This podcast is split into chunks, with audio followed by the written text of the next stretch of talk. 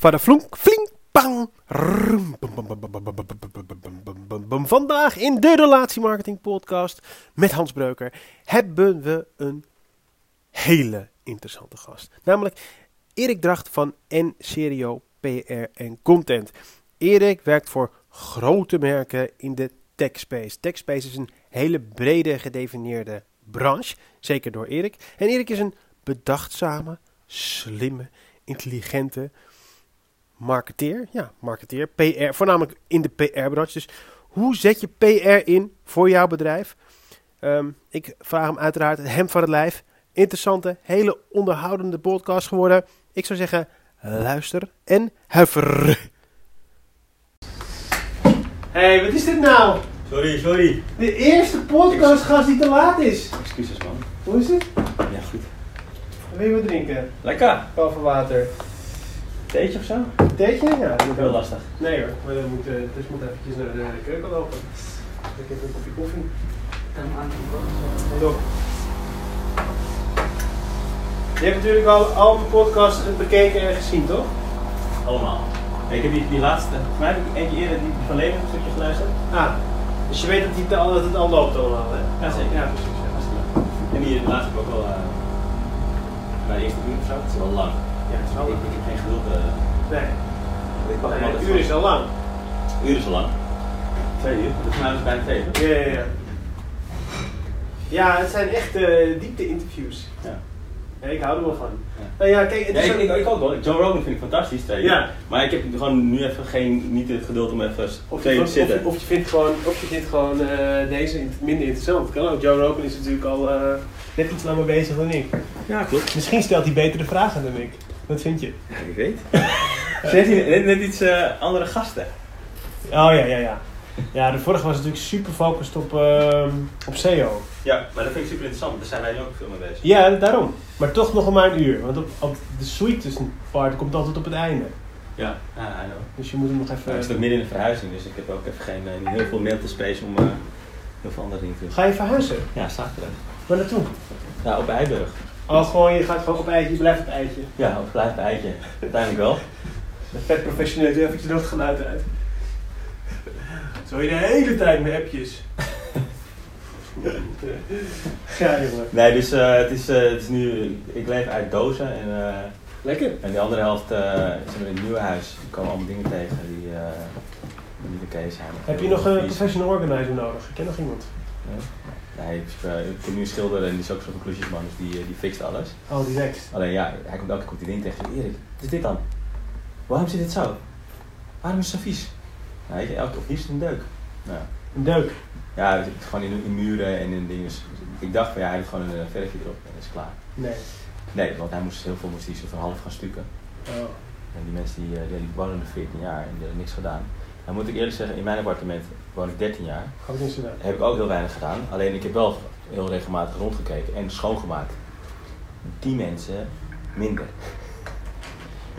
Dus echt een hele graveyard met spinnen en... eh, Echt? Ik heb laatst dat heel veel punten bij. Dat sowieso. Nou, vroeger. Oh, omdat er geen bomen waren. toch? Nou, toen, toen stonden heel veel van die tussengrachten, die, stonden, die waren gewoon die stonden stil. En daardoor waren er heel veel muggen. En volgens mij was het een soort van effect, oké, dus er waren wel spinnen en er waren nog meer spinnen, want ja, die konden gewoon chillen en die hadden gewoon eh, Ja. een feestmaal. Ehm er zaten voor mij op het raam, er zaten gewoon spinnenwebben. Die waren niet eens af. Die gasten dachten waarschijnlijk, ja, als ik nou, als ik nou drie keer zo doe, Dan wel dan goed. vliegt er wel 80 in. En die, die spinnen die froot zich gewoon dood. Het waren gewoon op een gegeven moment ballen geworden. En dan hingen ze zo voor mijn raam en dan tikte ik ze weg. Maar echt als een pingpongbal effect. Pok! Dus die waren helemaal, die waren waarschijnlijk dood. Omdat ze te veel hadden gegeten. Want er waren heel veel muggen door het water. En die spinnen die, eh de. Letterlijk. They become ja, a ball, they, became they a became, ball. they became a ball. En, maar dat is niet veel minder, want die grachten die lopen nu gewoon door. Ah, ik hoorde laatst van iemand dat het ook omdat er geen bomen waren, die spinnen, en, en- en daardoor geen vogels waren, die spinnen konden opeten. Zou kunnen, ja. Nature is a motherfucker. Ja, en daar hebben ze natuurlijk iets gecreëerd. En, nou, ja, niet nagedacht over bomen. Zoals op heel veel plekken op eilanden. Eh, ja, dan ga je een beetje experimenteren en sommige dingen werken en sommige dingen niet. grappig, ja. Ja. Grappig, grappig, grappig. Zo leer je wat, hè? Ja, Ja, Eiburg bevalt. ja, nog steeds, ja. Hey, en, en serie heb je tien jaar. Ik ben, eh, ik zit net nog even te kijken op de website, daarvoor had ik ook nog een paar keer gekeken. We zitten een heel Eens. klein beetje in dezelfde richting inmiddels. Ja. We creëren content voor onze klanten. Ja. deden wij ook al heel lang, alleen nu doen we het in meer in de marketingstramien. Ja. En dat doe je nu sinds eh, een half jaar of zo, toch? Eh nee, sinds, sinds september. Sinds september. Ja, Zoiets zo. sinds nee. Ja. Maar we, we creëren al heel veel content voor marketeers, al lang. Ja. Alleen het was een goede creatie. Ja. Ehm, en nu bemoeien we ons ook met het effect ervan. En het, de deur nog het optimaliseren ervan. Wat bedoel je daarmee? Dus kijk, vroeger was het gewoon, oké, je wil een tekstje hebben. En je gaat het gebruiken op je website of in een brochure. Hier heb je het. En dan ging die marketeer mee aan de haal en eh daar hoorde niks meer van. Volgend jaar kom je weer. Ja. Eh, en nu zeggen we, oké, eh bijvoorbeeld weer kwam een klant en die zei, we hebben een nieuwsbrief, we hebben een nieuwsbrief content nodig. Prima. Ik zei, maar waar gaat die nieuwsbrief, waar gaat die over en waar gaat die naar pointen? Mensen kunnen klikken en waar gaan ze dan heen? Goeie, ik zei, dus je hebt content nodig op je website. Ah ja. Eerder zouden we waarschijnlijk hebben gezegd, oké, nou prima, als jij eh, je e-mail nieuwsbrief nodig hebt, is goed. Of ik eh, verbind je door met, eh, met Hans. Alleen nu dachten we, oh eens, maar er zit dus, dus veel meer aan, eh, aan, aan de gang. En kunnen we je helpen door het creëren van nieuwe content, en om die slim op te zetten en die te gaan pushen op verschillende kanalen. E-mails is eentje van, socials andere. Ja. Ehm, LinkedIn kan nog eentje zijn, maar dat zijn voor mij distributieplatformen. Kunnen we op die manier ehm, je meer traffic geven en die beter con- converteren? En dat is nu waar we ons veel meer eh, gaan bewegen en eigenlijk klanten beter kunnen helpen door plat te zeggen, van, ja prima, we kunnen die content die je wil, kunnen we creëren. Precies. Is alles goed? eh, De microfoon iets meer naar hem, ja. zodat hij wat makkelijker Ja. verstaanbaar is. Ja, Ja. hè? Moet Ja. niet harder of zo? Nee, want jij praat aardig hard en hij wat rustiger, dus eh, Terwijl ik even wat... Nee, nee, nee, nee, nee, nee, nee, nee. Maar eh, dus, eh, hoe is uh, Insidio ontstaan aan tien jaar geleden? Een serie is ontstaan tijdens een reis. Weet je, het einde van een reis. Ik zal het je vertellen. Ehm, ik, ik werkte een tijdje bij een technologie-PR-bureau. En na vijf jaar dacht ik... Ik, ehm, Kid, kan. ja, ik, eh, ik, ik wil iets anders doen. Ik, ehm, ik wil misschien richting consultancy of Ja, in-house, product marketing. Ik heb het allemaal een beetje bekeken voordat ik wegging. Alleen ik ben nogal dol op reizen. Dus ik dacht, ik ga in between jobs. Wat ik zelf had gecreëerd. En ik gezegd, ik zeg op en ik ga weg. Ehm, ging ik nog eventjes naar Zuid-Amerika voor een paar maanden. En mensen wisten dat ik op een gegeven moment terug zou komen. Dus ik kreeg al mailtjes in die laatste weken van... Kan je ons helpen op het moment dat je terug bent? Laten we even koffie drinken, want eh, we hebben iets. lekker. Nou, ik zei, prima, gaan we doen. Want ik had, eh, ik had me voorgenomen, ik ga een maandje ga ik weer een beetje landen hier. En dan ga ik solliciteren. Ja, Nou, ik, eh, een week was ik thuis, koffie drinken met mensen. Eigenlijk kon ik ze gelijk helpen. En een van ze zei, maar wil je ook uitbetalen? En eh, dat, dat- dat zei hij uit zichzelf. ja, Wat Ja. aardig. ja, dat is aardig. Dat waren, dat waren ook vrienden van. Oh, Oké, oké, oké. Ehm, en, en zo is het eigenlijk gegaan. Toen op een gegeven Ja. moment dacht ik, nou, kan ik regelen. Ik ga wel naar de KVK, ik haal een btw-nummer. Dan ga ik een factuurtje versturen. Maar nog steeds met de gedachte, one-time thing. ja, Ja. Ik, ik rond die projecten af en dan ga ik solliciteren. Ja, ja, ja. Ik voelde me aan, Kan de volgende ook. ja, kwam de volgende en, en die projecten die bleven maar eh, eh, verlengd worden. Ja. Tot ik op een gegeven moment na twee, drie maanden dacht, Hmm. weet je wat, ik geef het een kans. Dat Ja. was midden in de crisis, dus mensen zeiden, ja, je bent gek, Ja, ja, hoezo ja. voor jezelf beginnen? Ja, ja, ja. Ehm, ik zei, nou, maar ik ben erbij en ik heb niks van investering nodig. Als het niet gaat, dan eh, kan ik nog solliciteren. Ja. En eh, dat is dus nooit gebeurd. Misschien komt het nog. Ja, Nee. ja wie weet. Ik heb nog een leuke opening voor je. Ja? Nee. Vertel, vertel. nee. Ehm, en zodoende, maar dat was meteen op PR-vlak. Nee, nee. Mijn eerste gedachte was, ik ga die mensen helpen.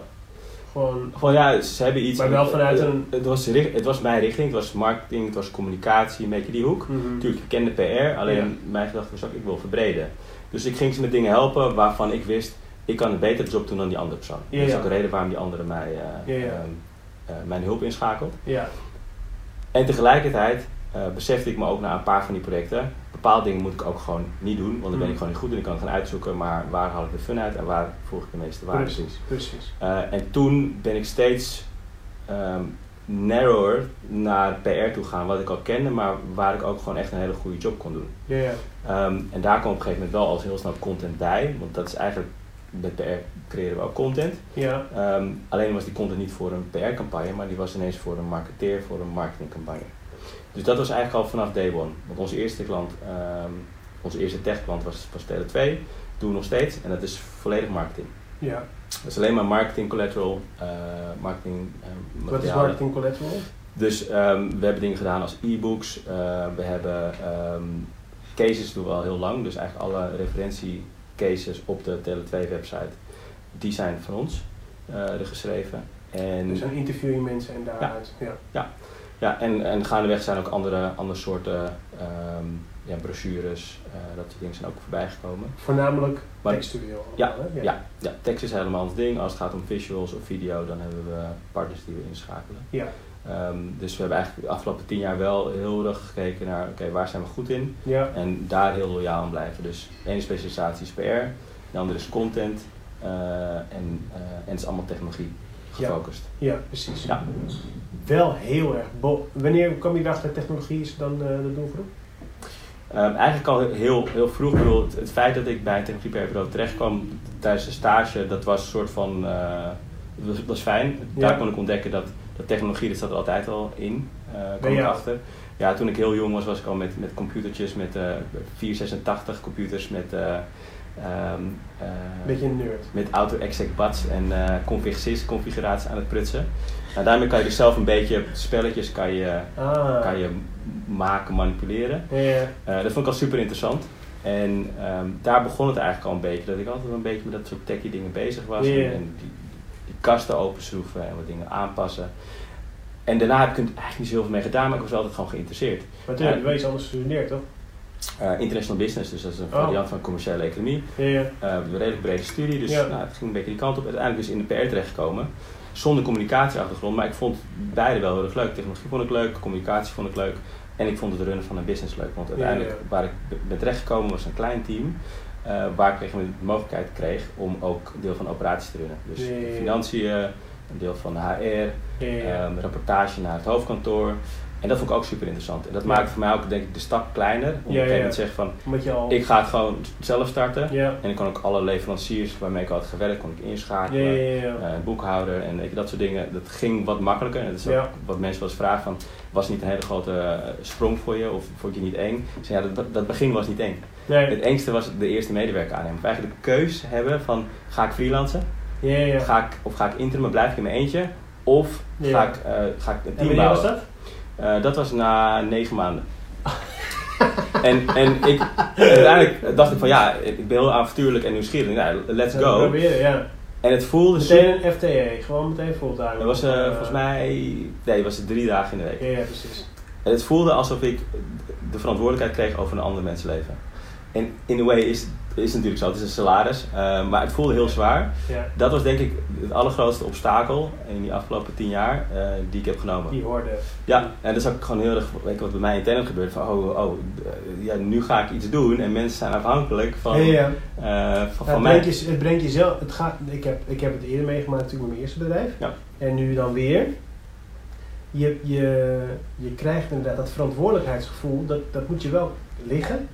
Maar het maakt jezelf ook wel beter, vind ik. Het maakt je ook een beter mens, omdat je gewoon, hé, ik, heb, eh, ik kan niet meer uh, slacken. Ja. I got bills to pay, weet je. Ook voor andere mensen, niet meer alleen voor jezelf. Ja. dat is gewoon een eh, soort van evo- evolutie in Ja. jezelf. Ja, en hoe ik er nu over praat, ik, ik denk me ineens dat het ook zo is geweest in, in, in de sport die ik heb gedaan. Ik, heb, ik ben begonnen met tennis. Op een gegeven moment dacht ik van ja, in mijn eentje winnen en verliezen, dat vond ik heel eenzaam. En toen ben ik gaan basketballen. En dit lijkt er eigenlijk wel een beetje op. Ik, ik ben begonnen in mijn eentje en eh, dat was hartstikke leuk. En op een gegeven moment had ik er wel een beetje de urge om het en te groot te laten groeien, zeg maar de impact te vergroten van wat Ja. ik doe, Ja, Ehm, maar het ook samen met mensen te doen. ja, Eh, en dat is waar ik nog steeds heel erg Ja. van geniet. ja. Het teamgevoel en samen gaan voor de... En wat is de stip aan de horizon nu? Ehm, nou, dat stukje content Ja, verder uitbreiden. Want ik denk dat er nog heel veel te halen is. In Ja. de gesprekken die ik nu met, met klanten en ook prospects heb. Er is gewoon heel veel eh, te doen. hè? Er is heel veel Ja. behoefte, er is heel veel inefficiëntie. Ja, Ehm, en dat erkennen mensen ook en die willen ermee aan de slag. En, eh, en waar zit die inefficiëntie dan in? nou, in, in enerzijds het, het, ehm, de kloof tussen marketing en sales. Ja. Eh, en anderzijds ehm, het iets, iets verder denken dan een campagne of iets wat je op dat moment nodig hebt. ja. Begin het bij de propositie al? Of, eh? Ja, ja, dat kan al. Ja, ja. En op een gegeven moment weet je, dan kan het zijn dat je hebt web- website traffic. Maar wat ga je ermee doen? Als het nul converteert, heeft het niet zo heel veel zin. Dus op een gegeven moment moet je gaan nadenken af, ja, wat zou ik kunnen doen dat die mensen zich wel kenbaar gaan maken.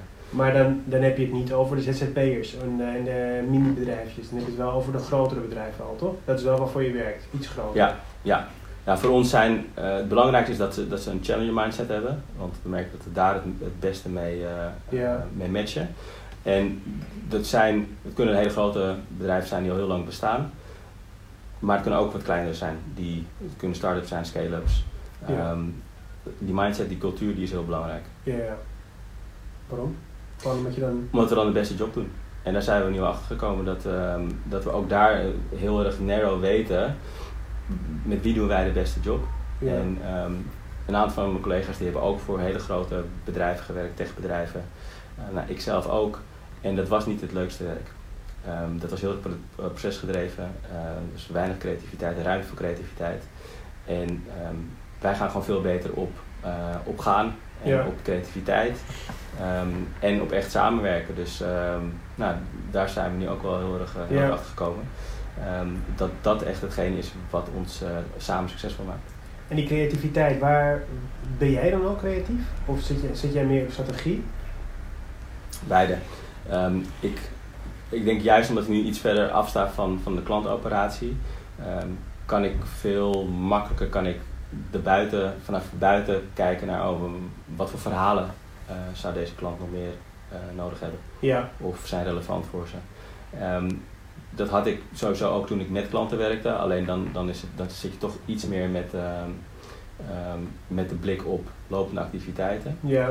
Ehm, dus de rol die ik nu heel, heel veel nog eh, invul bij klanten is het strategiestuk, maar ook Ja. soms weet je, dus is een eh, kwartaalplanning of een halfjaarplanning en eh, weet je, laten we gaan bedenken over waar we het nu over willen hebben. Ja. Wat speelt er in de wereld waar we op kunnen aanhaken? Ja.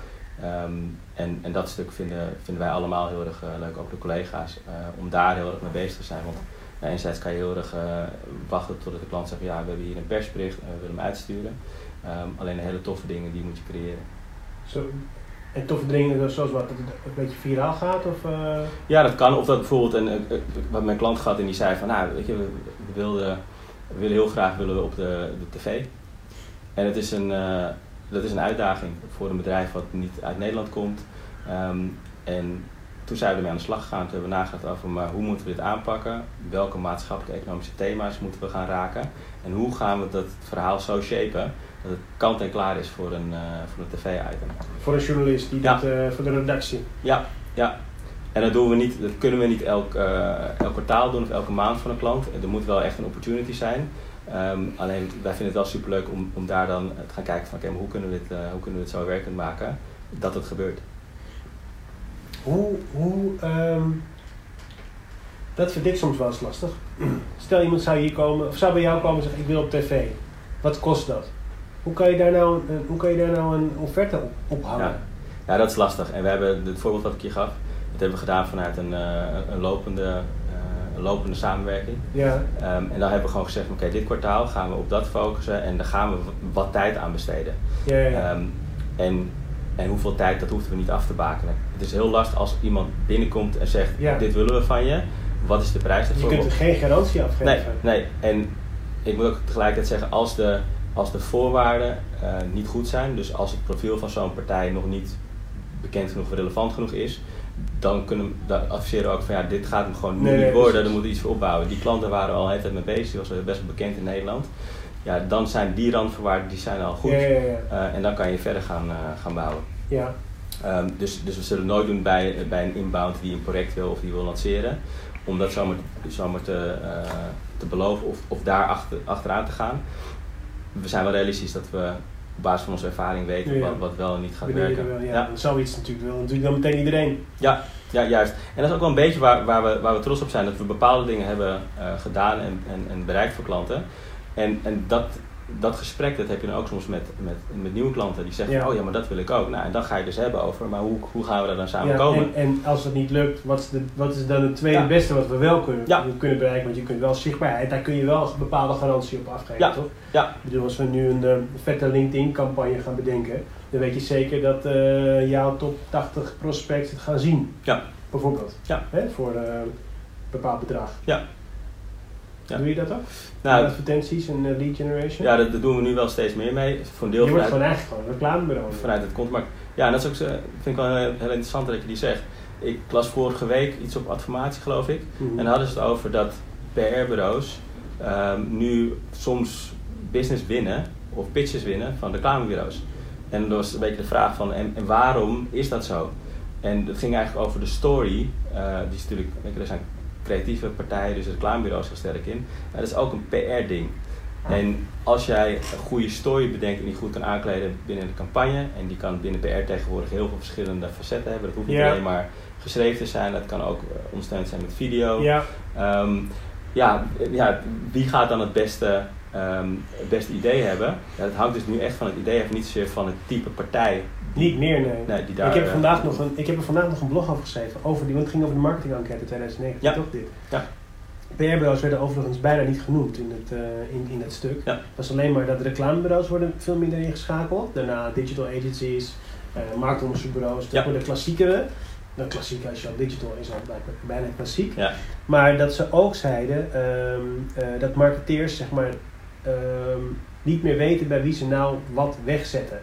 Door dit soort dingen. Ja. Dus zeg maar, je kreeg eerst een beetje die silo's, hè, of eh, dat zeggen ze dan silo's, vind ik een beetje een dom woord, maar dat weet je wel. Dus kijk, dat die partij voor AdWords, die partij Ja. voor Facebook, die partij. dadadadada. Maar dat is eigenlijk heel inefficiënt. Je kent ook bij Jumbo, dus ook op een gegeven moment 23 bureaus. Ja. Weet je wel, die Renaning, die deed dat, DTP, die deed dat, dat, dat. Maar het gaat om die overkoepelende Ja. boodschap. En dan wil je dat allemaal nog geleid krijgen met 23 bureaus. Krijg je niet Lastig, voor elkaar. ja, heel lastig. Ja, dus, dus mijn insteek op dat verhaal is juist weer de comeback van het reclamebureau. Ja. Of jij je nou, je zegt niet, ik ben nu een PR-bureau, maar eigenlijk begin je eigenlijk je tentakels uit te spreiden in alles. Want je wil je klant zo best zo goed mogelijk helpen. En let's face it, Ja. daar ligt ook omzet, toch? Daar liggen ook businesskansen. Ja. Dus, ga je dat, dus ga je dat doen. Want als de klant tegen jou zegt, ja, kun je ook misschien dan een content, eh, contentgedreven eh, advertentie aanzetten op LinkedIn. Dan ga je niet nee zeggen. Misschien dat je er wel een partner bij haalt die uh, geprofessioneel maar LinkedIn is nu tegenwoordig zo, relatief zo makkelijk om Ja. in te richten. Dat je dat dus ook doet. Ja. en ik dus ook. Weet je. Ik begon met relatiegeschenken. Dat, dat werd hem niet. En ben gepivot naar met name e-mail Ja. marketing. Maar eigenlijk is het relatiemarketing, is het kanaal, is e-mail. Ja. Weet je? En ehm, eh, jij dus ook. Dus dat is wel grappig. Ja. En bij ons kwam eigenlijk als eerste kwam eh, binnen die mix, kwam, boven PR kwam media-inkoop. En het was eerst een beetje uh, Ah, ja, mondjesmaat van...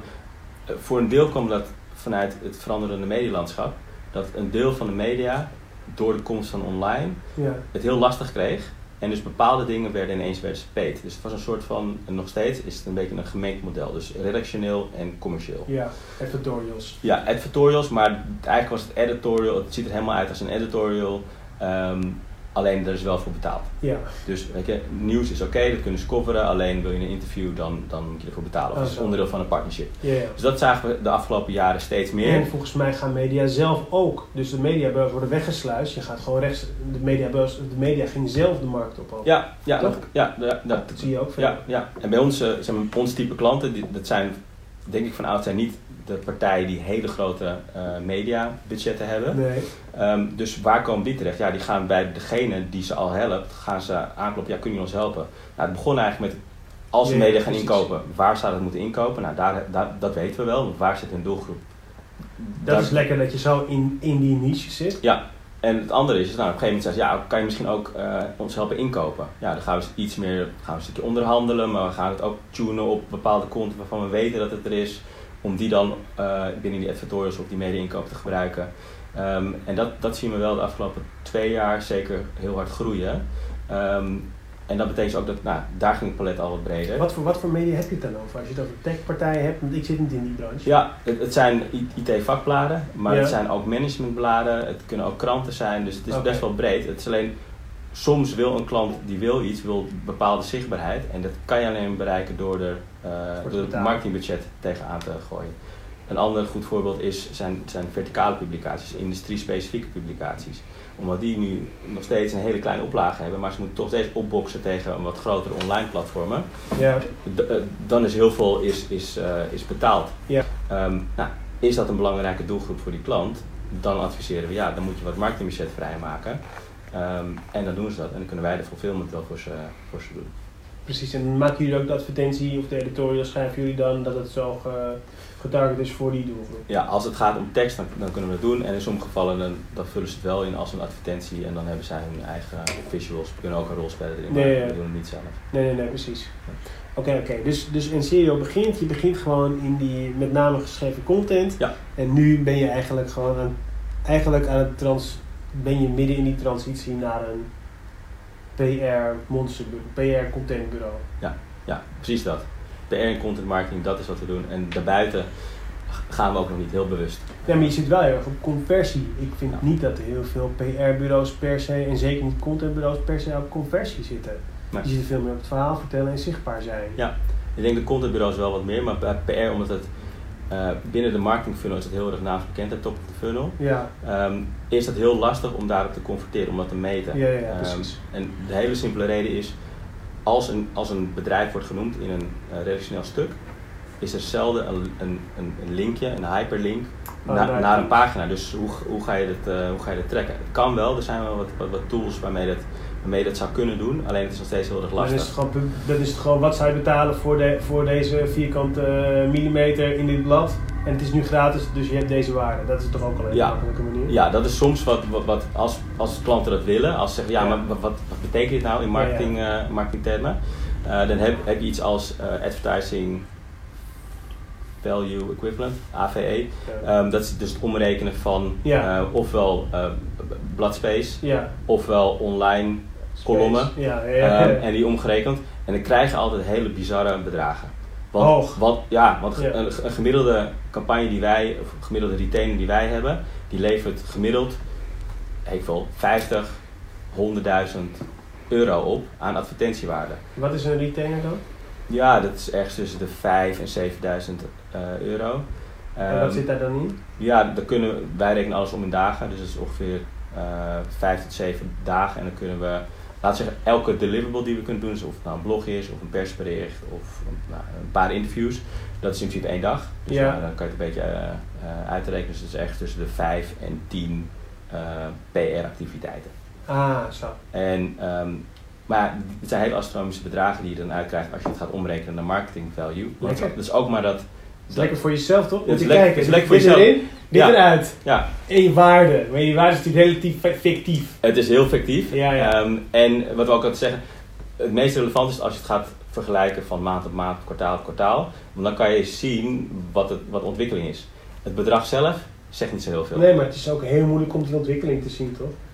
Nou, je, je, je kan er wel wat zien. Of je kan, je kan op een gegeven moment erachter komen welke bladen geven me de meeste marketing value als, als dat jouw streven is. Oké. Dus dan, weet je, een, een stukje in het FD levert je relatief veel op, dat kleine stukje. Versus dat hele grote stukje in dat IT-vakblad. Ja, ja. Ehm, en dan kan je zeggen, wat wil je liever? Waar gaan we dan focussen? Ja. Ja, of welke doelgroep is dan belangrijk? En, en wat heeft, heeft dat consequenties dan voor, je, voor, voor de marketing value? Hey, en, ehm, want ik vind dat wel, ik, dat, ik zeg het altijd tegen iedereen, maar ik vind het wel een ingewikkelde om je te focussen op een bepaalde doelgroep. Ja. Ja. Hoe, zit, hoe je dacht, nou, tech vind ik leuk, Ja, maar het had ook, eh, wij spreken, ja, tech is natuurlijk best wel breed verder, toch? ja, inmiddels wel. Ja, Inmiddels wel. Ehm, in het begin was het heel erg eh, technologie voor IT'ers ja, eh, en, en consumententechnologie. En nu is het iets meer aan het verbreden. Hoe wij het zien, hoe wij de wereld zien, is dat je nog steeds eh, technologie voor IT'ers hebt. En dan heb je eh, technologie voor business users. ja, Dus jij en ik gebruiken een Slack, of we gebruiken. Microsoft Office, of we gebruiken Prezi. ja. Ehm, dat, Daar werken ze zeker al drie voor, of niet? Ja, Oh ja, oh, en Microsoft niet. had ik ook gedaan hoor. Om Gewoon even drie klanten te noemen, toch? Ehm, en, en dan heb je consumer tech, Eh, dat, dat blijft nog steeds. Eh, en, en wij hebben nog een categorie ecosysteem. En in een ecosysteem pakken we alles eh, alle partijen die geen hardware of software ontwikkelen en leveren, maar die wel een hele cruciale rol spelen. Omdat die IT-wereld is echt een, een, een wereld op zich aan het worden. Dus daar zitten bijvoorbeeld investeringspartijen tussen. Of industrieautoriteiten, bijvoorbeeld een NEN. Ehm, maar ook trainingsbureaus. dat is, nee, dat is. Elektra. NEN, Nee. die, die, je kent ISO, de, de normen, Ja? de norm, het Normeninstituut. Ja? Ja, NEN is de, de Nederlandse tak daarvan, of de Nederlandse variant daarvan. Oké. Ehm, en die doen alles rondom, nou, ook zeg maar in elektronica of in IT, datacenternormen, Oké. ehm, ja, computer. Oké, dus je kan eigenlijk bijna voor iedereen werken als je het zo eh, gaat noemen. Ja, alleen, Geen meubelmaker. alleen geen meubelmaker. Nou, En- ook nog. hè? Je gebruikt ook een zaag, toch? Ja, dat klopt, alleen dat is techniek. En wat moet wel echt technologie zijn, het moet wel bits en bytes zijn. Ah, oké, oké. Bits en bytes. Ja. Oké, nou goed. Ja, maar goed, die ecosysteempartijen, die, dat is iets wat we de afgelopen jaren waar we achter kwamen, is dat die een hele cruciale rol spelen in, in het geheel.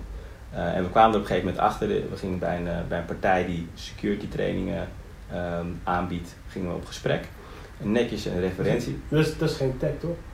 Dat valt bij ons onder ecosysteem en ik ga je nu vertellen waarom. Oké, oké, oké. oké. Want we hadden niks onze, onze referentieslide en we laten die zien.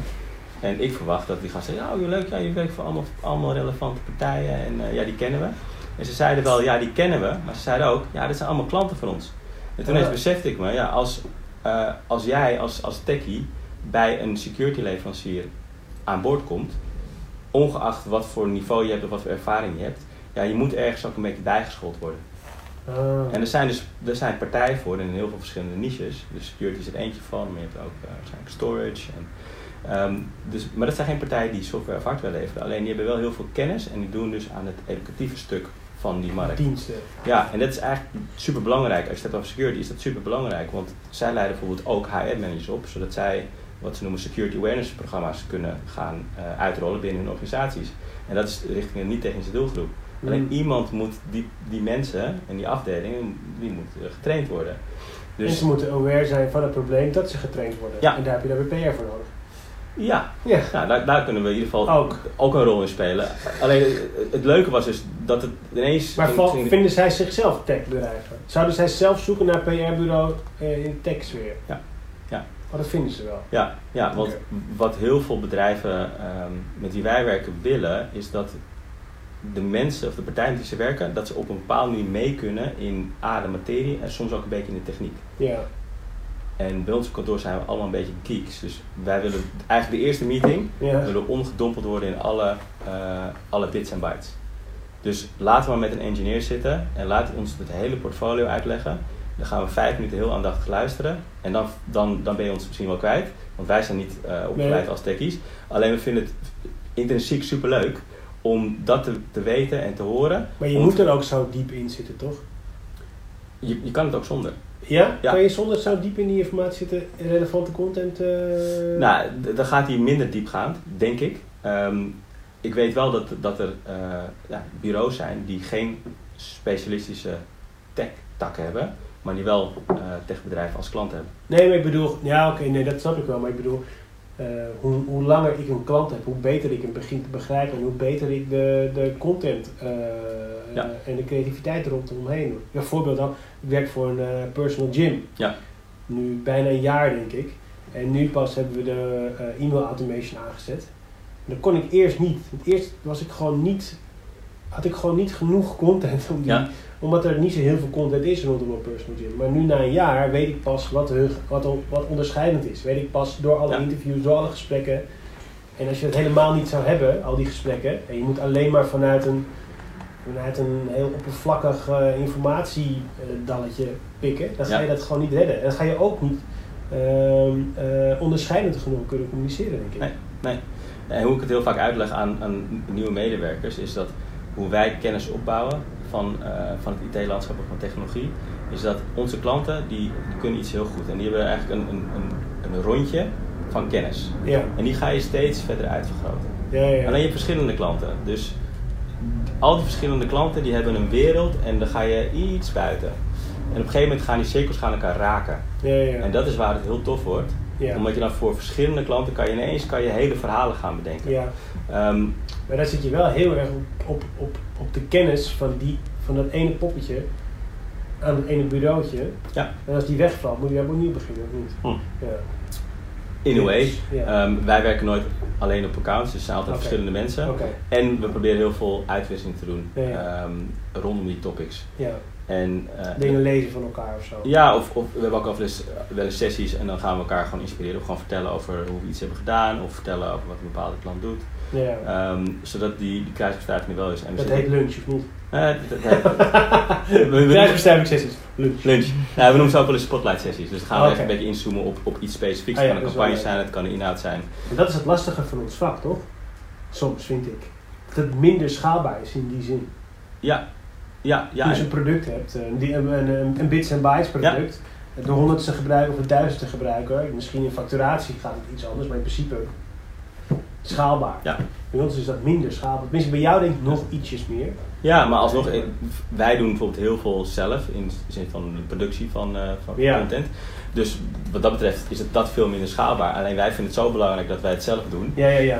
Eh, dat wij in die kwaliteit waarborgen, maar dat we ook continu blijven inzoomen op hetgeen wat die klant doet. Ja, dat we op een gegeven moment zo diep in zitten dat, het, ja, dat we nog meer waarde kunnen toevoegen. Ehm, ja, dat is minder schaalbaar. Alleen dat is wel waar, waar wij voor staan. Ja. Waar mensen ons op een gegeven moment ook echt eh, voor vinden. ja. Van dit zijn die gasten. Nee, het is die kwaliteit, dat, die- dat, die dat goed ook uit. Ja. Het is gewoon die kwaliteit, het is de lange verbindenis. En, en, en, je, zal, en je bent ook niet, ik, eh, zijn ergens de, de prijzen. Het is ook niet dat, dat het eh, voor een appel en een ei dat je entree hebt, toch? Nee. Je Nee. moet wel echt flink wat uren inkopen, wil je beginnen. Ja. Toch? Dus jij zit denk ik, als we het over jou en mij hebben, jij zit in wat hogere eh, markt, ik zit in de lagere, Ja. ik zit in de ZZB, kleine MKB. Mhm. Maar eh, waar zie je dan, waar zie je het PR-vak, ja eigenlijk geef je al een beetje antwoord door, door, door, door te vertellen, waar zie je het PR-vak heen gaan dan? Ja, het, het is nu dus al een blend aan het worden. Ja. Er komt heel veel P bij. Als, ik kan me niet voorstellen dat bureaus dat, dat eh, niet doen. Ehm, dat moet je erbij doen. Ja, en dan is het kijken hoe je... Is het nog PR of is het gewoon content aan het worden? Eh, het is wel heel erg PR nog, want je hebt nog steeds de, de, traditionele, of de, de, de traditioneel werkende media. Ehm, en in die verstandhouding, dat wordt nog heel erg, eh, dat, dat is nog heel erg. Ehm, dus Hoeveel PR-bureaus zijn er in Nederland? nou, er, er zijn er, heel, er zijn nog steeds heel wat. Ehm. In ons segment, dus technologie PR-bureaus, dat is wel echt een apart segment. Ja. Ik denk dat je, wij zitten een beetje in de middenmoot en we zijn met acht man, dus nou, de grootste is denk ik rond de 20. Dus dat is een beetje de, de sizes. Ja, ja. Natuurlijk dat de grotere PR-bureaus, de algemene PR-bureaus, ja, die, die zitten soms met, met 50 tot 100 man. Ja, Ehm, en in ons segment zitten er misschien 15, 20 die niet eh eenpitters zijn. ja, ja. Dus het is, is best wel select. Maar Eh, toch nog best wel wat. Ja, ja. Maar ja, goed, maar als je net tech uit, uitlegt, Ja. dan zit je al in zo'n gigantische vaarwater, dat je, of zo'n gigantische pool met z'n allen. Ja, en je hebt sommige partijen die zijn bijvoorbeeld sterker in consumer tech. Wij doen er wat minder eh, Oh, mee en wij doen superveel B2B. Ja. Ehm, en dan heb je ook partijen die zich soms specialiseren in, in een soort van aanliggende eh, markt. Ehm, ja, wij blijven heel erg eh, tech gefocust. En als je dan hebt over meetbaarheid, dat hebben we al eens eerder gesproken erover, dat je dus, ehm, eh, je, je, ben- je, je hebt, je hebt een, een klant die heeft, ehm, eh, die heeft een doel, weet je, ik wil meer bekendheid en ja, eigenlijk al, ze hebben allemaal hetzelfde doel, toch? Ja, Groeien. Ja. toch? En de een heeft er meer budget voor over dan de ander. Ja. Dat is eigenlijk het grootste verschil, toch, als je het plat slaat. Ja. Dus, ehm, dus dan begin je met, eh, nou, we willen in eh, vakmedia, dat is nog steeds wel het belangrijkste. Ha- hangt een beetje van de klant af. In de meeste gevallen wel. Ja, 80% van de gevallen is dat nog steeds. eh, in, ieder geval, in ieder geval de onderstroom. Want ze zijn, hun, hun DNA is gebaseerd op technologie. ja. Dus daar blijven ze ook weer. En niet bijvoorbeeld, eh, we gaan hier van SEO-teksten schrijven en, eh, en, en aan de deur allemaal, aan de kooi en zeggen dat we er zijn door middel van, weet ik, veel, direct mailings. Oh, zo bedoel je? Advertenties. of, Ehm, eh, nee, nee, veel minder. Ik denk de partijen waar wij voor werken, en dat hoeft niet per se een, een goede weergave te zijn van de complete markt. dat zijn partijen die, nou goed, B2B Ja. eh, zijn en, en die vaak wel best geavanceerde ehm, eh, verkoopmodellen hebben. Ja. Dus, en daar zitten ook allemaal weet je, marketingmachines. Dus Ja, ja. je werkt bijvoorbeeld met, eh, met een reseller en dan. Oh, of met een, met een retailer ertussen. Ja, ja, en, die doet een deel van, van de markt en bekendheid. ja, ja. Ehm, dus daar zijn ze eigenlijk al best wel gewend aan. En dat is eigenlijk hoe bijna al onze klanten werken. Ook om het schaalbaar te maken. Ja, Ehm, en, en, en daar hoeven ze vaak niet bij te helpen. En ook vaak als het zo indirect gaat, die verkoop. Dan betekent dat een heel groot deel van die van, eh, van het contact met die prospect en die eindgebruiker, Ja. dat wordt gedaan door een andere partij. Ah, zo, ja, precies.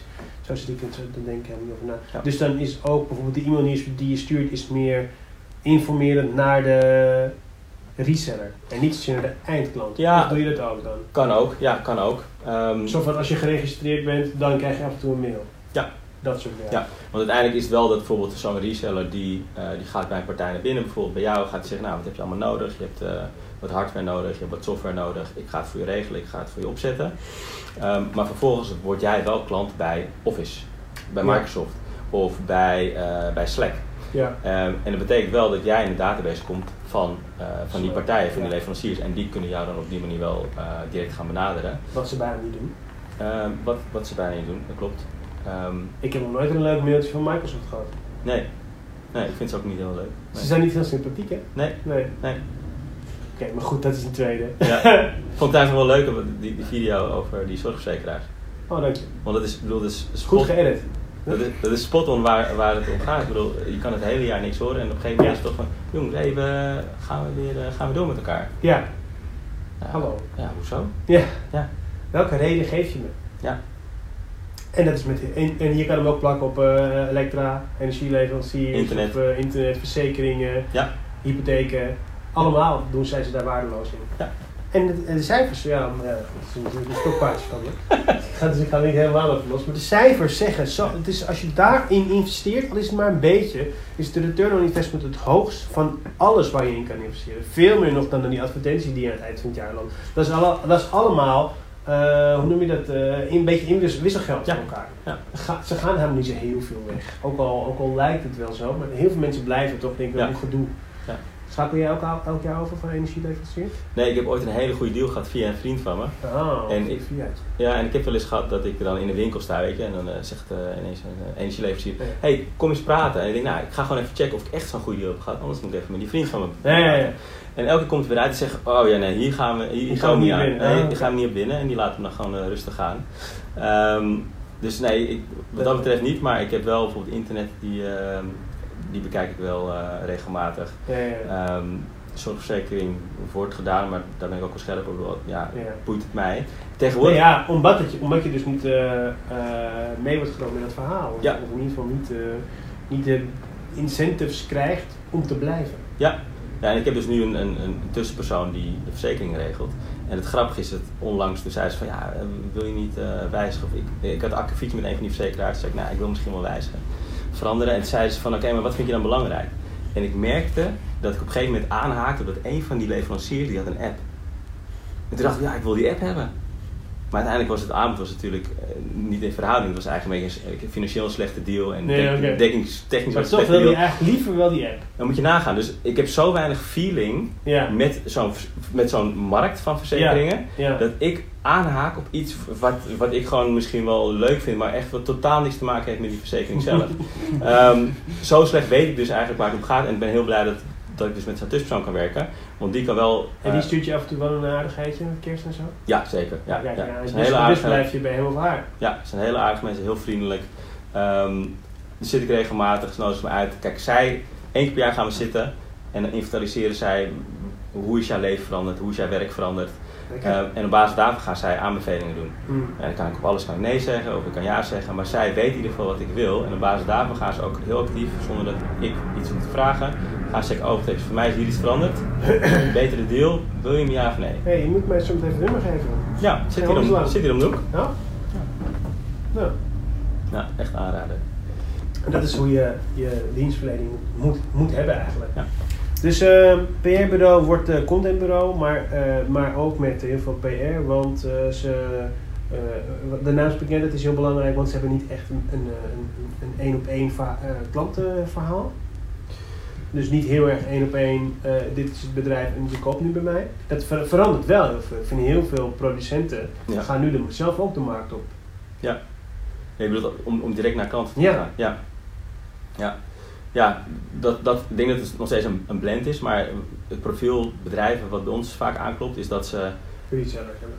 Nee, nee dat, dat ze, ze, ze willen, ze, willen, ze willen groeien of ze, ze komen Nederland in. Ja, Ehm, en het is uiteindelijk ook, ook al werken ze met resellers, is een wisselwerking. Die resell, voor die reseller moet het ook aantrekkelijk zijn namelijk. Ja, ja, ja. Dus als die reseller denkt van ja, ik heb nu een leverancier die kan verkopen. En dan weet je, er zit een goede marge op. Eh, alleen overal waar ik op gesprek ga bij bedrijven, bij, bij, bij klanten, kennen ze die partij niet en zeggen ze gewoon altijd nee er tegen. Nee, precies. Met andere woorden, die leverancier die heeft nog steeds een rol te spelen dat op een gegeven moment misschien bedrijven Ja, ja. gaan aankloppen bij de resellers van hé, dat moet ik hebben, want ik heb er laatst over gelezen. Ja. En, ehm, en, en dat stuk, dat kan je voor een, voor een deel kan je het opvangen met, eh, of kan je het invullen met PR. Ja. Kan je ook met Hier een mailing te sturen. En een, een soort van een soft zelf vanuit ons is dan ook, stel je voor, jij wil iets in het FD doen en je wil een advertentie kopen. Nou, dat kost je een hele hoop geld. Ja. Het kost je, weet ik veel, 6 tot 10.000 euro. Ja. Als je ons vraagt van, oké, laten we iets bedenken om daarin te komen, dan maken we het onderdeel van een geheel. Weet je, daar hadden we het net over. En dan krijg je nog heel veel allemaal, krijg je andere dingen, ook als resultaten. En dan gaan we schieten op het FD. En, en we, we weten, voor een deel weten we hoe we dat moeten doen. Nou, dus de kans dat je dat artikel in het FD alsnog krijgt, en nog heel veel andere dingen binnen, binnen dat, project, Ja, ja. het is veel goedkoper dan die ene hit die je mogelijk hebt in Met die een, advertentie. met die advertentie. En dan ook nog in de oogschouw genomen. Dat een advertentie minder goed gelezen Ja. wordt. Ja. Dus soms is het ook het geval van, oké, ze komen land in en ze hebben beperkt marketingbudget. Eh, en dan zeggen ze, oké, maar waar kan ik heel veel krijgen? Ja. In de zin van exposure, eyeballs. ja, ja, ja. Eh, en dan, dan is het, in sommige gevallen is het dan, is het dan PR. Hmm. Ehm, Interessant. Ja. Ja. Interessant, interessant, interessant. En hoe doe je het zelf? PR, Voor jezelf, ja. slecht. Schoonmaker? Ja, ja, ja, absoluut.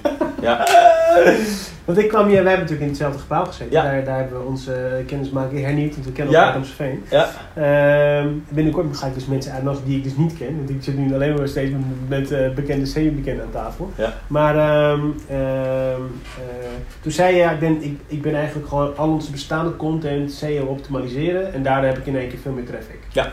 Dat is, dat is eigenlijk gewoon ook een beetje een lucky hit, toch? Eh, een beetje. Ja. Ja. dat het zo gebeurde. Ja. Ja, ja Dus Je moet zeker. het maar, je moet het maar, ja, moet maar lukken natuurlijk. Ja. En hoe, hoe kom je aan je eigen klanten? Dat is allemaal eh, via via. Eh, nou, allemaal. Ik denk ongeveer 10% dat komt via de website nu. Ja. Dat was, eerst was het nog, Ja. nog minder. Ja.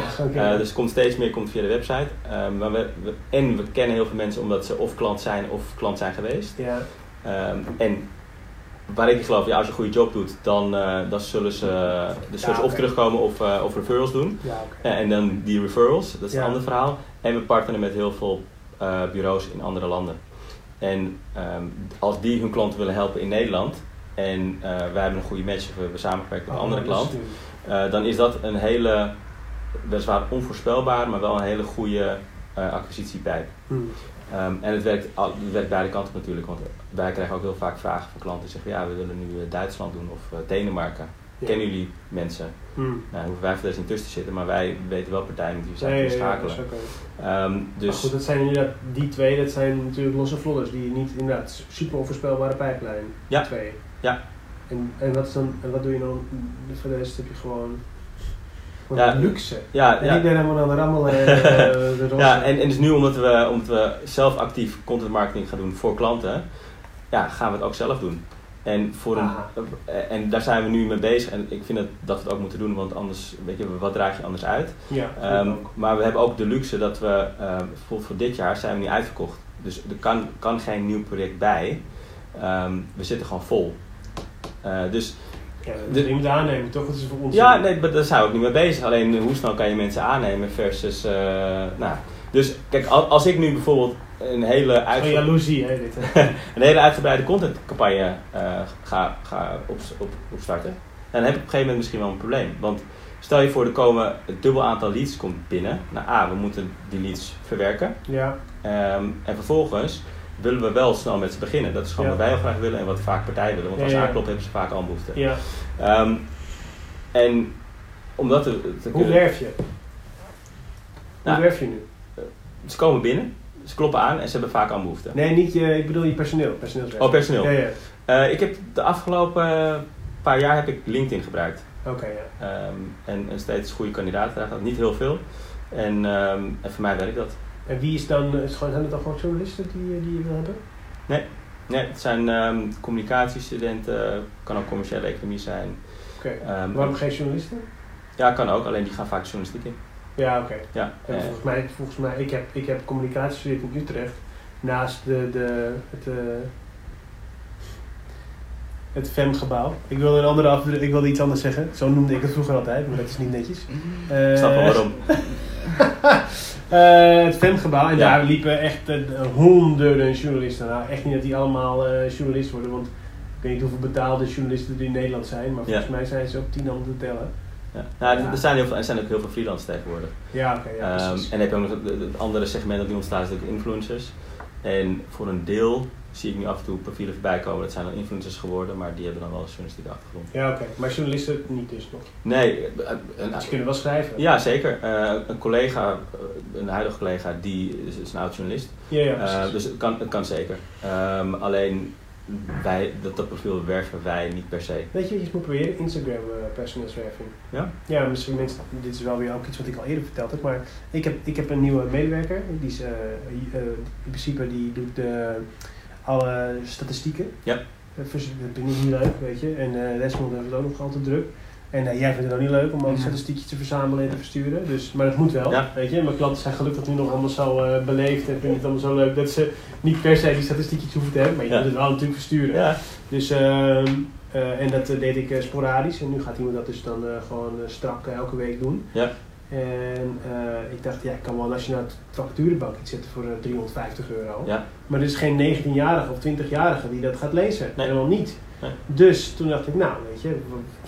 En ik, had, en, ik, en ik zeg dan tegen mijn klanten, nee, je moet op Facebook en Instagram adverteren als je moet wil. Moet je het ook zelf doen. Ja. Dus ik uh, liedertje gemaakt, bannertje gemaakt en eh, na 22 euro had ik twee eh, sollicitanten. netjes. Zeker een goeie. Ja. Ja, had ook anders kunnen gaan. Maar al was het 250 euro geweest, had, ik, eh, had ik nog veel. Maar 22 euro, twee eh gekwalificeerden. Ja. Dat is bizar. Ja. Dus eh, die tippen geef ik jou mee. Ja, top, Het is dankjewel. interessant Ja. om op die manier, bovendien heb je ook bijvangst. Want je bent ook weer publiciteit aan het zaaien. Ja. En dit heb je bij Nationale Vacaturebank, heb je nul bijvangst. Nee. Terwijl als je aan het adverteren bent op Facebook of Instagram, en daar zit iedereen. Ja. Jij zit nu op Instagram. Ja. Helemaal waar, ja. Ja, dat is een goeie. Ik, ik heb het tot nu toe, denk ik ook wel geluk gehad dat we elke keer wel echt goede kandidaten hadden. Ja, Nogmaals, niet heel veel. nee. En ook heel veel eh, rommel die je eruit moet filteren. Want wij, Rommel mensen. ja, wij hebben bijvoorbeeld standaard, die teksten zijn in het Nederlands, die facturenteksten. En er staat ook, nee, je moet Nederlands spreken. Nou, ik, ik, de eerste keer kreeg ik mensen uit Nigeria, in, in Saudi-Arabië. Oh ja, het andere was, eh, en je moet in Nederland wonen. Ehm, en ehm, en, en eh, Spanjaarden, Italianen. En, eh, Personeelswerving is bijna een fulltime job. Ik snap wel waarom recruitmentbureaus zoveel geld eh, verdienen. ja, Want dat is bijna niet te doen qua tijd. Nee. Maar ja, in mijn geval is het ook gewoon, is klik heel belangrijk. Bij jullie moet, moet iemand dan nog heel goed kunnen schrijven. Ik heb vooral freelance schrijvers in dienst, die, waarvan ik al heel snel weet dat ze het kunnen. Ze kunnen. Ja. En hier moet gewoon een gezellig team zijn. Dat is het grootste verschil. Bij jullie moet iemand ook nog echt heel veel kunnen. Ja. Ja. Bij ons is de content die wij maken is heel erg uh, user-generated. Dus we, we interviewen iemand en van daaruit trekken we de content. Dat, dan hoef je niet extreem goed te schrijven. Dan moet je het gewoon goed, dan is de interview Mhm. belangrijk en het in elkaar zetten. Ja. Een journalist heeft dan al voldoende. Ja. Daar hoef je niet eh, eh, een senior voor te zijn. klopt. Ja. Wat Hey, je verder, eh, ja. Verder wat, eh, hoe ziet de toekomst eruit? In, in, in de wereld van Inserio en Erik Dracht?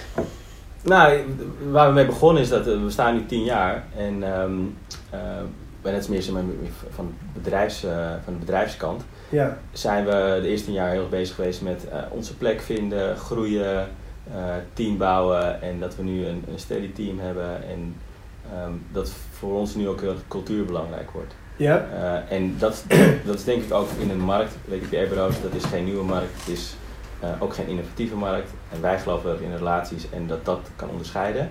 Dat misschien die cultuur wel hetgeen is wa- waarvan we willen dat over tien jaar sommige mensen het nog hebben. Oh, je weet nog die gasten van Enserio, het was zo, nou ja, noem het op. Ehm, dat we ons ook bewust worden van wat ons bij elkaar brengt en houdt en eh, wat we naar buiten willen brengen. Ja. Dus zo'n event van laatst, dat is, dat is een beetje een soort van jumble of van hoe je met je relatie om wil gaan. Ja, ik denk Hoeveel dat klanten ongeveer werk je? ehm, in de ge- gemiddelde maand is tussen de 15 en 20 klanten. Ehm, en dat is dan een combinatie van vaste klanten en uh, Ja, ja. dus daarom schommelt hij een beetje. Ja. Ehm, ik denk dat zeg maar, de, het format dat ik bijvoorbeeld heb gekozen voor het evenement, om heel bewust privé en zakelijke contacten eh, Te mixen. te mixen, Ja. dat dat heel erg is hoe we zijn. Eh, en Ja. dat we dat ook altijd zullen doen. En dat we bijvoorbeeld eigenlijk bij iedereen die bij ons binnenkomt op kantoor, dat we zeggen van oh, als je weer een keertje in de buurt bent, kom gewoon. Weet je wat ik tegen jou zei op een gegeven moment? Zit jij in je eentje of is, eh is Leon Katz is er niet? En wij kwamen gewoon voor de massages. Of, kom, of, of als er een massage er is, Die kom, mis ik dus, ja. kom gewoon. Ja. Je mag nog steeds komen. Volgende week donderdag, als je er bent, jij mag ook komen. Dan kan die massage gewoon voor jou zijn. En dat is ook Een hele nette massage, ja, kleren aan in de vergaderruimte. Iedereen kan naar binnen kijken. Eh, maar dat, is denk ik ook dat is voor ons een onderdeel van, van onze cultuur en waar we voor staan en, en waar we allemaal, wat we allemaal gemeenschappelijk hebben. Ja, Ehm, en, eh, en dat is denk ik wat wij in deze fase nu ook belangrijk vinden. Tuurlijk, we willen ook nog steeds een hele goede job leveren en inhoudelijk PR doen. wat is een goede campagne die je hebt gezien die niet voor jou was de laatste tijd? Een goede Heb je nog tijd om andere campagnes te zien? Eh, weinig. Ik heb wel wat dingen voorbij zien komen van. volgens mij waren de laatste waren awards, Effies.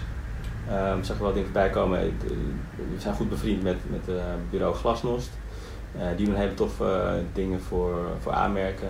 Ehm ze hebben een hele leuke campagne gedaan met Budweiser. Die ze hebben een soort van relaunch gehad eh. Eh, waar zij verantwoordelijk voor. Ze doen altijd een hele leuke ehm, soort pyjama party met Magnum. Ehm, zij doen hele toffe dingen en zij doen het ook heel goed in combinatie met video. Dus ehm, ja, check, check ze op, eh, op LinkedIn en op mijn website, ze doen het echt heel leuk. Eh, en op een hele eigen manier. En dat is denk ik wat ik vaak het meest waardeer als ik als, als campagnes voorbij zie komen, is het een beetje eigen. Eh, want eigenlijk iedereen zou in wezen een kick-ass video kunnen maken, maar klopt die storyline die er omheen zit? Ja, ja, ja. Klopt die? En, en kan je hem verder In het- body, in het body verhaal. geven? Ja, ja. En wat, zeg maar, een bedrijf is nieuw. Waar moeten ze en ze, en ze, willen, en ze willen beginnen? Waar, moeten ze het meest aan denken? Wat is het eerste wat je doet PR technisch? Stel voor de relatiemarketeers. Ja, ja, een goed moment bepalen dat je gaat starten. Ehm, soms hebben bedrijven zeggen, ja, we hebben, we hebben net een, eh, een, een rebranding gedaan. Ja, dat is heel tof voor jou als organisatie. Maar nobody gives a fuck. Nee, zelfs je klanten niet. Nee. Ik zou je klanten wel informeren erover, dat ze niet denken van, hé, wat voor site ben ik nu terechtgekomen? Of die e-mail eh, handtekening ziet er heel anders uit. Dat zou ik wel doen, alleen het is niet nieuwswaardig. Nee. Dus we willen altijd beginnen met iets nieuwswaardigs. Dus iets van ehm, je, je opent een kantoor. Of je hebt een nieuwe directeur aangesteld. Of misschien wel je hebt een nieuw product. En eh, by the way, eh, we zijn ook nu een andere weg ingeslagen. Hm. Ehm, en dat, je, dat, dat we zicht hebben op een paar andere dingen die, eh, die gaan onderbouwen dat je A, relevant bent en dat je, eh, dat, je, dat je hier bent om te blijven. Want we hebben heel veel partijen die komen dus vanuit Amerika, vanuit Azië en die komen naar Europa of naar Nederland. En wat voor ons belangrijk is richting die journalisten, is dat die journalisten niet het idee hebben van oh, dit is weer zo'n eendagsvlieg. Want eh, je kent het, start-ups, die, die zijn er en 90% bestaat na een jaar niet meer. Ja, oké. Uh, dus wij doen ook een soort van onze screening om te kijken van oké, maar is het een serieuze partij? En is het niet zo dat ze denken, oh, dit is een gunstige markt, want daar staan allemaal mensen die zijn heel eh, tech-savvy en die kopen heel veel eh, IT-spul. Nee, ze moeten wel een bepaalde relevantie gaan opbouwen. Dus ga, investeren ze in mensen. Dus de economische waarde. Ehm, doen ze iets voor, voor Nederlandse klanten? En wie zijn dat dan? Dus dan bouwen we eigenlijk een, een PR-campagne op. En dan zeggen we bijvoorbeeld, in het geval van jullie, volgens mij ga jij binnenkort een nieuw label uh, lanceren. Ja. Nou, dat is een heel goed moment, dat is heel nieuwswaardig.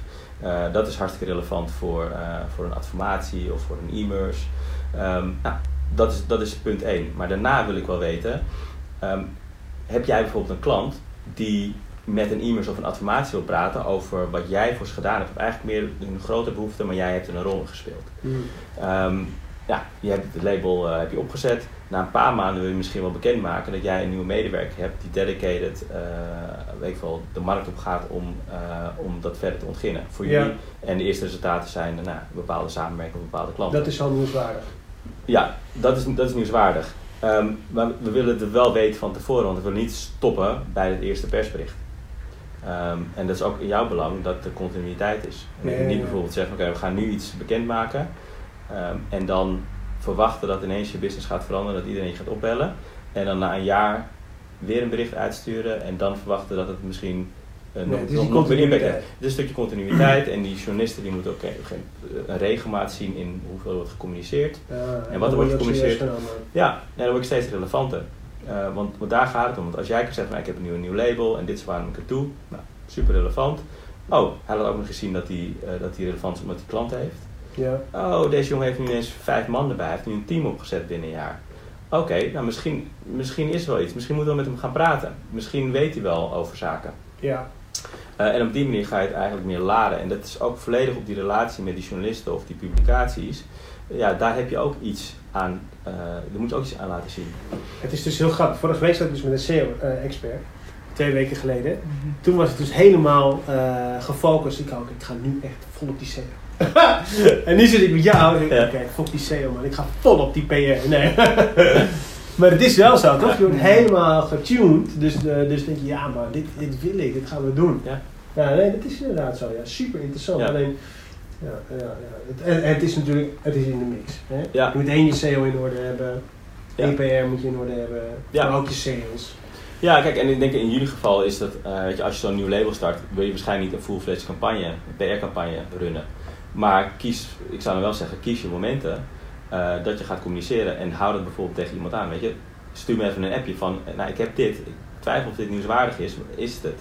Ja. Ehm, en dat je wel zeg maar, jouw juiste momenten kiest, of dat je bijvoorbeeld niet voorbij laat gaan dat je een hele toffe klant hebt gesigned, Ja. die best wel met de pers wil praten daarover. En dat je het even bent vergeten, want je ging door met, eh, met je SEO. Ja. Ehm, terwijl dat wat minder eh prioriteit dat Ik had niet eens gedacht om dit label volledig te lanceren. Ja, Had ik niet eens aan gedacht. Ja. kijk, en vooral omdat het bij jou gaat over dat jouw diensten zijn relevant voor die marketeers. Ja. Eh, ja je bent een, een marketingbureau. Ja, dat is, het is een, bij- bijna een no-brainer. Dat is oké, ja, jij moet in een adformatie staan of een, Ja.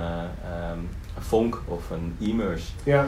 Ehm, Maar ik kies niet echt zo specifiek zoals jij een doelgroep. Ik kies ja, een doelgroep in grootte. Dus van 1 tot Ja. 20. Dat is mijn doelgroep. ja, In, in bedrijven. Maar niet in, ik kan voor een bakker werken, maar ook, het maakt in principe Ja. niet uit. Ja.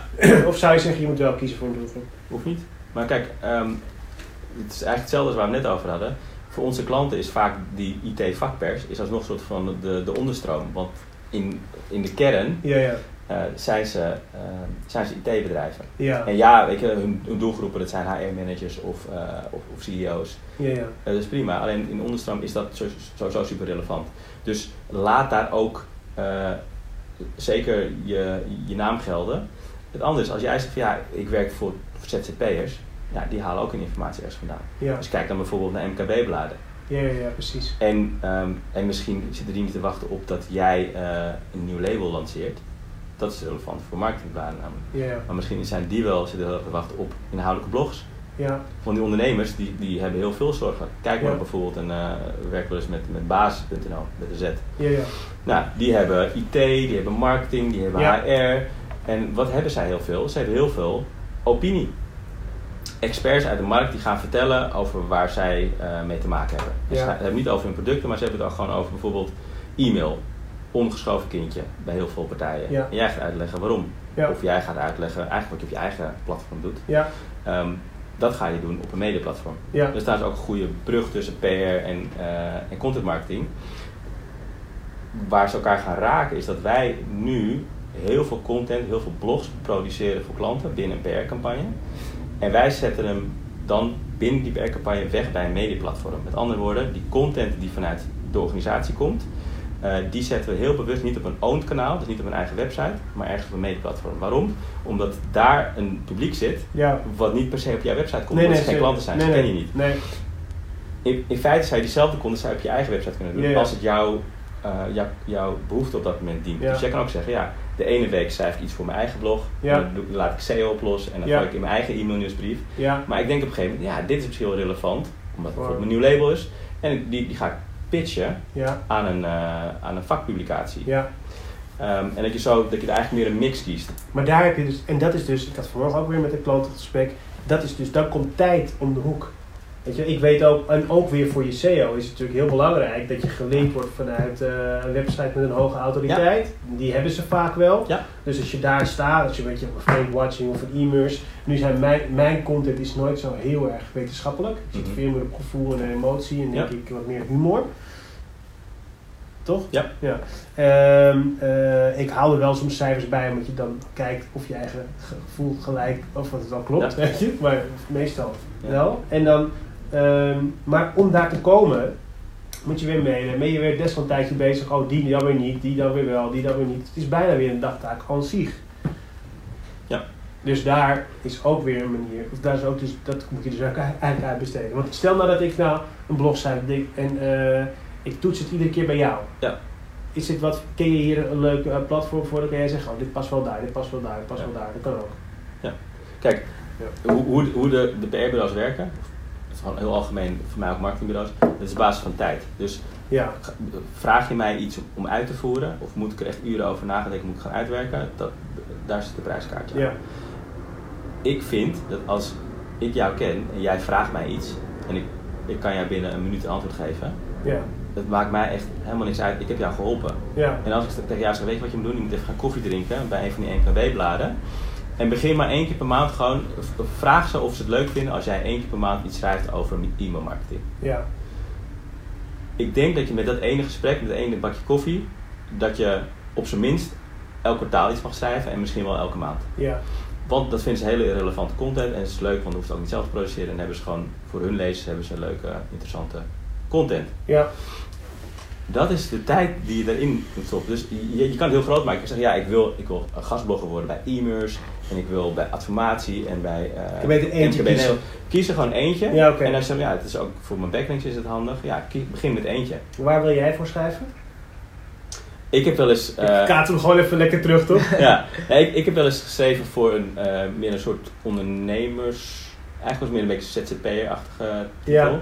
Ja. Ik vond het superleuk om te doen. En het heeft hebben, ja, voor mij hebben we twee, twee leads, twee klanten binnengekregen via, via dat kanaal. Puur omdat ineens de content was wat autoriteit had en dus makkelijk naar boven kwam. Ja, Ehm, en ja, ik heb geen, geen tijd meer ervoor, dus eh, heb ik het, eh, en, doe ik het niet meer. En ik wilde wel naartoe. Ik, ik weet even niet wat voor mij dan een hele. Ja, de- ja de meest van de dus zelf zijn. bladen, toch? Ja, adformatie, e-mails, ehm, eh, dat, soort, Ja, dat soort titels. Die zijn voor ons het meest relevant en af en toe sturen we wel eens een persberichtje uit. Daar zijn we super slecht in, want we vergeten het heel vaak. Maar eh, bijvoorbeeld laatst hebben we het gedaan met ehm, nou, dat we HubSpot partner zijn geworden. Ehm, dus ja, ja, dat moeten we sowieso meer doen. En dat maakt het dan ook weer makkelijker voor ons. Weet je, als wij onze eigen outreach gaan doen naar Ja. de publicatie om een keer zo'n Ja, gastblog te doen. het is gek hè, dat we... Dit is echt in het blog wat ik, wat ik aan het schrijven ben over het, zeg maar, het eventueel terugkomen van een reclamebureau. Omdat Ja. je dus één aanspreekpunt wil hebben voor al die disciplines. Dus eigenlijk zou je... eh, eigenlijk zou PR ook binnen een reclamebureau gewoon een Ja. onderdeel moeten zijn. Sterker nog, er zijn heel veel campagnes Die Eh, vanuit... eh, ja, vanuit het reclamebureau en die gaan allemaal partijen erbij zoeken. Ja. Die samenwerking zie je superveel. Als je kijkt naar, naar die awards waar ik net over had, zijn voor mij een paar geweest de afgelopen weken. Kijk maar even, het zijn vaak bundels van bureaus. En vaak is, is het eh, creatief bureau of het reclamebureau, die zijn in de lead. En dan volgen er een paar die de fulfillment doen van een PR of een, ze een een, een guerrilla. ja, Hebben ze eigen partners, of ze zoeken ze, of ze hebben vaste partners. ja, Ehm, en dat is natuurlijk ook een beetje wat je nu ziet gebeuren in de bureauwereld. Er is weer heel veel. eh, er zijn, nou, laatst sprak iemand erover, dit is een soort van harmonica. Dus, dus integratie en eh, weer apart van elkaar, dus Ja. specialisme. Maar dat is iets wat nu tegelijkertijd aan het gebeuren is. Je ziet een paar partijen die zijn heel erg aan het overnemen, dus eigen disciplines aan het toevoegen. ja, En je ziet nog steeds dat bepaalde heel erg richting specialisatie gaan en blijven. ja, Eh, en in die beweging ga je dus krijgen dat eh, bijvoorbeeld reclamebureaus, sommige reclamebureaus, ja, geen goede PR-tak hebben of Nee. geen goede eh ads, ads-tak hebben. ja, Ja, dan ga je het inkopen, want die klanten hebben het wel nodig. ja, precies. Eh, dus die samenwerking is daar Dus dan, heb- dan is een reclamebureau eigenlijk in de basis alleen nog maar strategie en project. Ja, en misschien creativiteit ook. Ja, oké, Ja. strategie en creativiteit zie ik dan even in één. Oké, Ja. we zeggen inderdaad strategie eh, en, en, een, en een duo, hè, een copy en een, en een visual, visual Ja. iets. Ja. Dat staat en dan daarna heb je alleen nog maar accountmanagers of projectmanagers Ja. Die wat zij bedacht hebben gaan eh shapen met de partners die ze hebben. Ja. Dus dat is eens één vorm van reclamebureau. En het, het klassieke reclamebureau die alles heeft. Ja. Maar die worden steeds schaarser, want het is steeds moeilijker. Want die grote reclamebureaus moeten zo innoveren. Want die kleintjes pakken, eh, weet je, een heel klein bureau wat alleen maar gespecialiseerd is op Facebook advertentie op jongeren tussen de, weet je, Ja, ja, ja, ja. zo specifiek, daar win je het nooit van. Nee, Dus dan moet je inderdaad gaan kopen, ja. Dus dat, zijn eigenlijk, dat is eigenlijk, dat is eigenlijk wat ik nu, wat ik nu ga Ja. is, ja. Ja. Ja, interessant toch? En wat ik ook vind met kleine reclamebureaus, is dat wat lastig is, is dat je heel vaak ziet, dat, dat je hun smaak ziet. Dat je ziet, oh, dat is van hun. Ja. Want die hebben dan maar dus die twee designers in dienst, die ongeveer hetzelfde maken. ja. Weet je, dat zie je dan ook vaak. Ja. Wat, ook, wat, wat eigenlijk ook niet echt kan. Ja? Vind je, daar, vind je daar... Nou ja, tenzij het, tenzij het zo'n soort smaak is die heel bepalend is, ja, ja, vind, Ja. ja. dat vind ik eigenlijk niet, nee, vind ik eigenlijk niet moeten kunnen. Nee.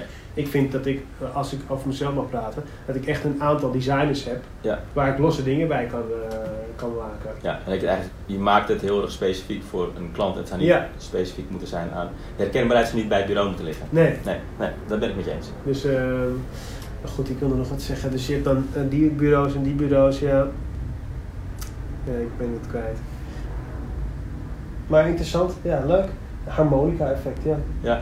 Ja, iemand noemde dat vorige week en eh, dat zou ik echt gaan. We hebben een paar maanden geleden een gesprek gehad met de partij die, die dat de overnames aan het doen is. Ja, En Ja. ja, je ziet een aantal van dat soort partijen en je hebt natuurlijk de hele grote, de WP's en Omnicons, die, die zijn ja. natuurlijk... en de consultancy, de Big Five gaan Ja. zich roeren in de marketingstrategie. Ja, En hou ik wel mijn hart vast. ja, Want dan denk ik wel, daar zit nul creativiteit. Met alle respect. ja die, eh, ik denk dat ze die, dat ze die verven, dat ze die aankopen. Nou, maar dat is nu bijna niet te doen. Ja, of gewoon Nou ja. met een grote zak geld. eh ja, volgens mij heeft Deloitte niet, eh was Deloitte? Die kopen ze creatieve bureaus in. Die hebben voor mij een heel groot account gewonnen. Was het UPC? Of Sorry, uh, Ziggo? Oh ja? Ja, ja. Met Eh, creatieve campagne. Ja. Ja, ja dus dat is, dat is super interessant. Ja, want, en dat is dan natuurlijk ook een interessante manier om binnen te komen bij een partij. Als je Deloitte bent en je gaat marketing doen, dan zit je sowieso op directieniveau. Kijk, Dus dan is het ook, hey, en hoe doe je eigenlijk, eh, ik zie dat deze campagne moeten wij eigenlijk integreren met sales. Welke Ja. systemen heb je daarvoor? Heb je daar iets van? Ja, het is natuurlijk ja, een hele slimme manier binnen te komen. Ja, en dat, dat, is, dat is nog altijd, in ieder geval vanuit ons veld, best wel een, een, een ding, een spanningsveld. Is dat wat je ziet, is dat er, spelen nog steeds hele andere belangen dan puur van eh, wie is, het beste, eh, wie is de beste leverancier. Ja. In dit geval ja, ja. het beste, beste PR of contentbureau. Ja, ja. Wat er soms speelt is dat er wereldwijd wordt gezegd, we moeten zoveel mogelijk, eh, of zo min mogelijk leveranciers hebben, dus we moeten zoveel mogelijk wereldwijd contracten hebben. Met andere woorden, eh, we, hebben, moeten een bureau kiezen wat in al onze belangrijkste markten zit. Dus met andere woorden, de independents, dus wij bijvoorbeeld, die vallen af per definitie. ja, ja. Ehm, dan heb je het andere fenomeen, is dat ze zeggen, oké, ehm, wij willen op safe spelen. Dus we kiezen die partijen die al die trust hebben. Of bij onze board, ja. lees consultancy firms, of het is een Ja, van die WPP eh, partijen die niet per se eh, de beste is voor, Nee, voor die klant, maar wel. maar De wel bekendste. maar safe. En safe. safe. Ja, maar daardoor krijg je dus ook, denk ik, ja, en dat, dat, dat- daar ben ik dus bang voor, dat je zoveel daardoor hele safe reclames ook krijgt. Ja. Ja. En dat er dus geschermd wordt met data-analyses en data eh, waar je helemaal eh, eh, niks aan hebt. Ja. Toch? Ja, helemaal mee eens. Dit is wel iets om, eh, ik heb hier nog geen één keer zien schrijven, er zijn helemaal geen bits, of nee, Nee, helemaal maar geen ik- interessante ik- bits. Ik, ik, Ik ja. wil interessante bits uit, uit zo'n gesprek aan, die Ja. dan weer. Maar een harmonica-model is interessant, Ja. die moet er eventjes in. Dat zet ik erin. Eh, maar ehm, dat, en het, is, het is interessant, want daardoor ga je dus die grote jongens die dus eh, normaal zo consultancy doen op allerlei vlakken, gaan dus misschien zich bemoeien met creativiteit. Dat ben ik wel heel erg geïnteresseerd hoe dat gaat eh, uitpakken. Ik denk dat ze nog stiekem een goede job kunnen doen als zij maar de juiste mensen kunnen aantrekken Ja. en die kunnen houden. En dat is misschien wel het, eh, het allerbelangrijkste.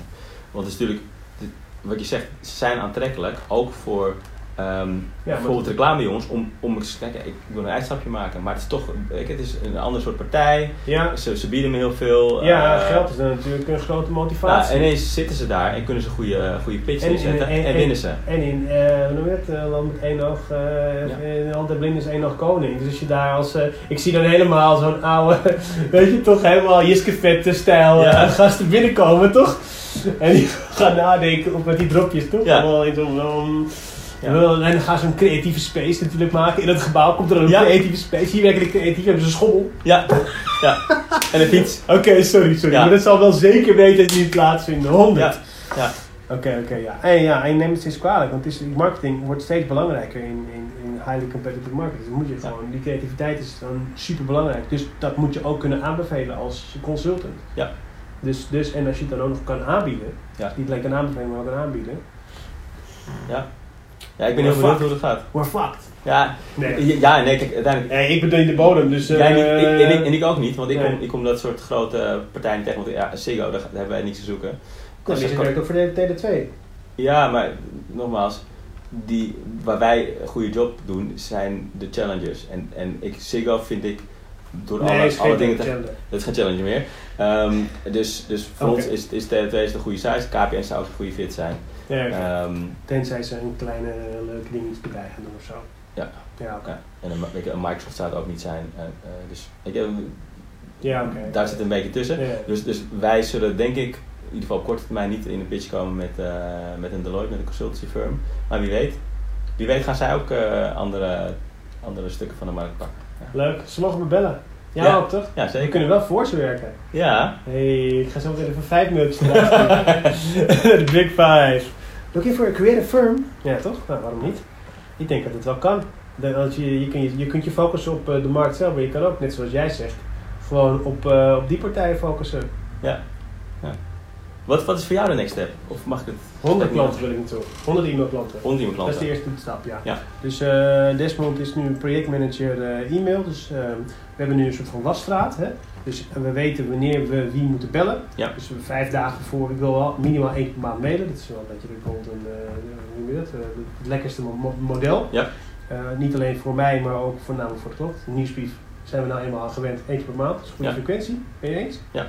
Ehm, nou, dus vijf dagen voordat we moeten gaan we bellen. Wat is er gebeurd? Wat ga je doen? Zijn er nog leuke trends? Is er nog iets opgevallen?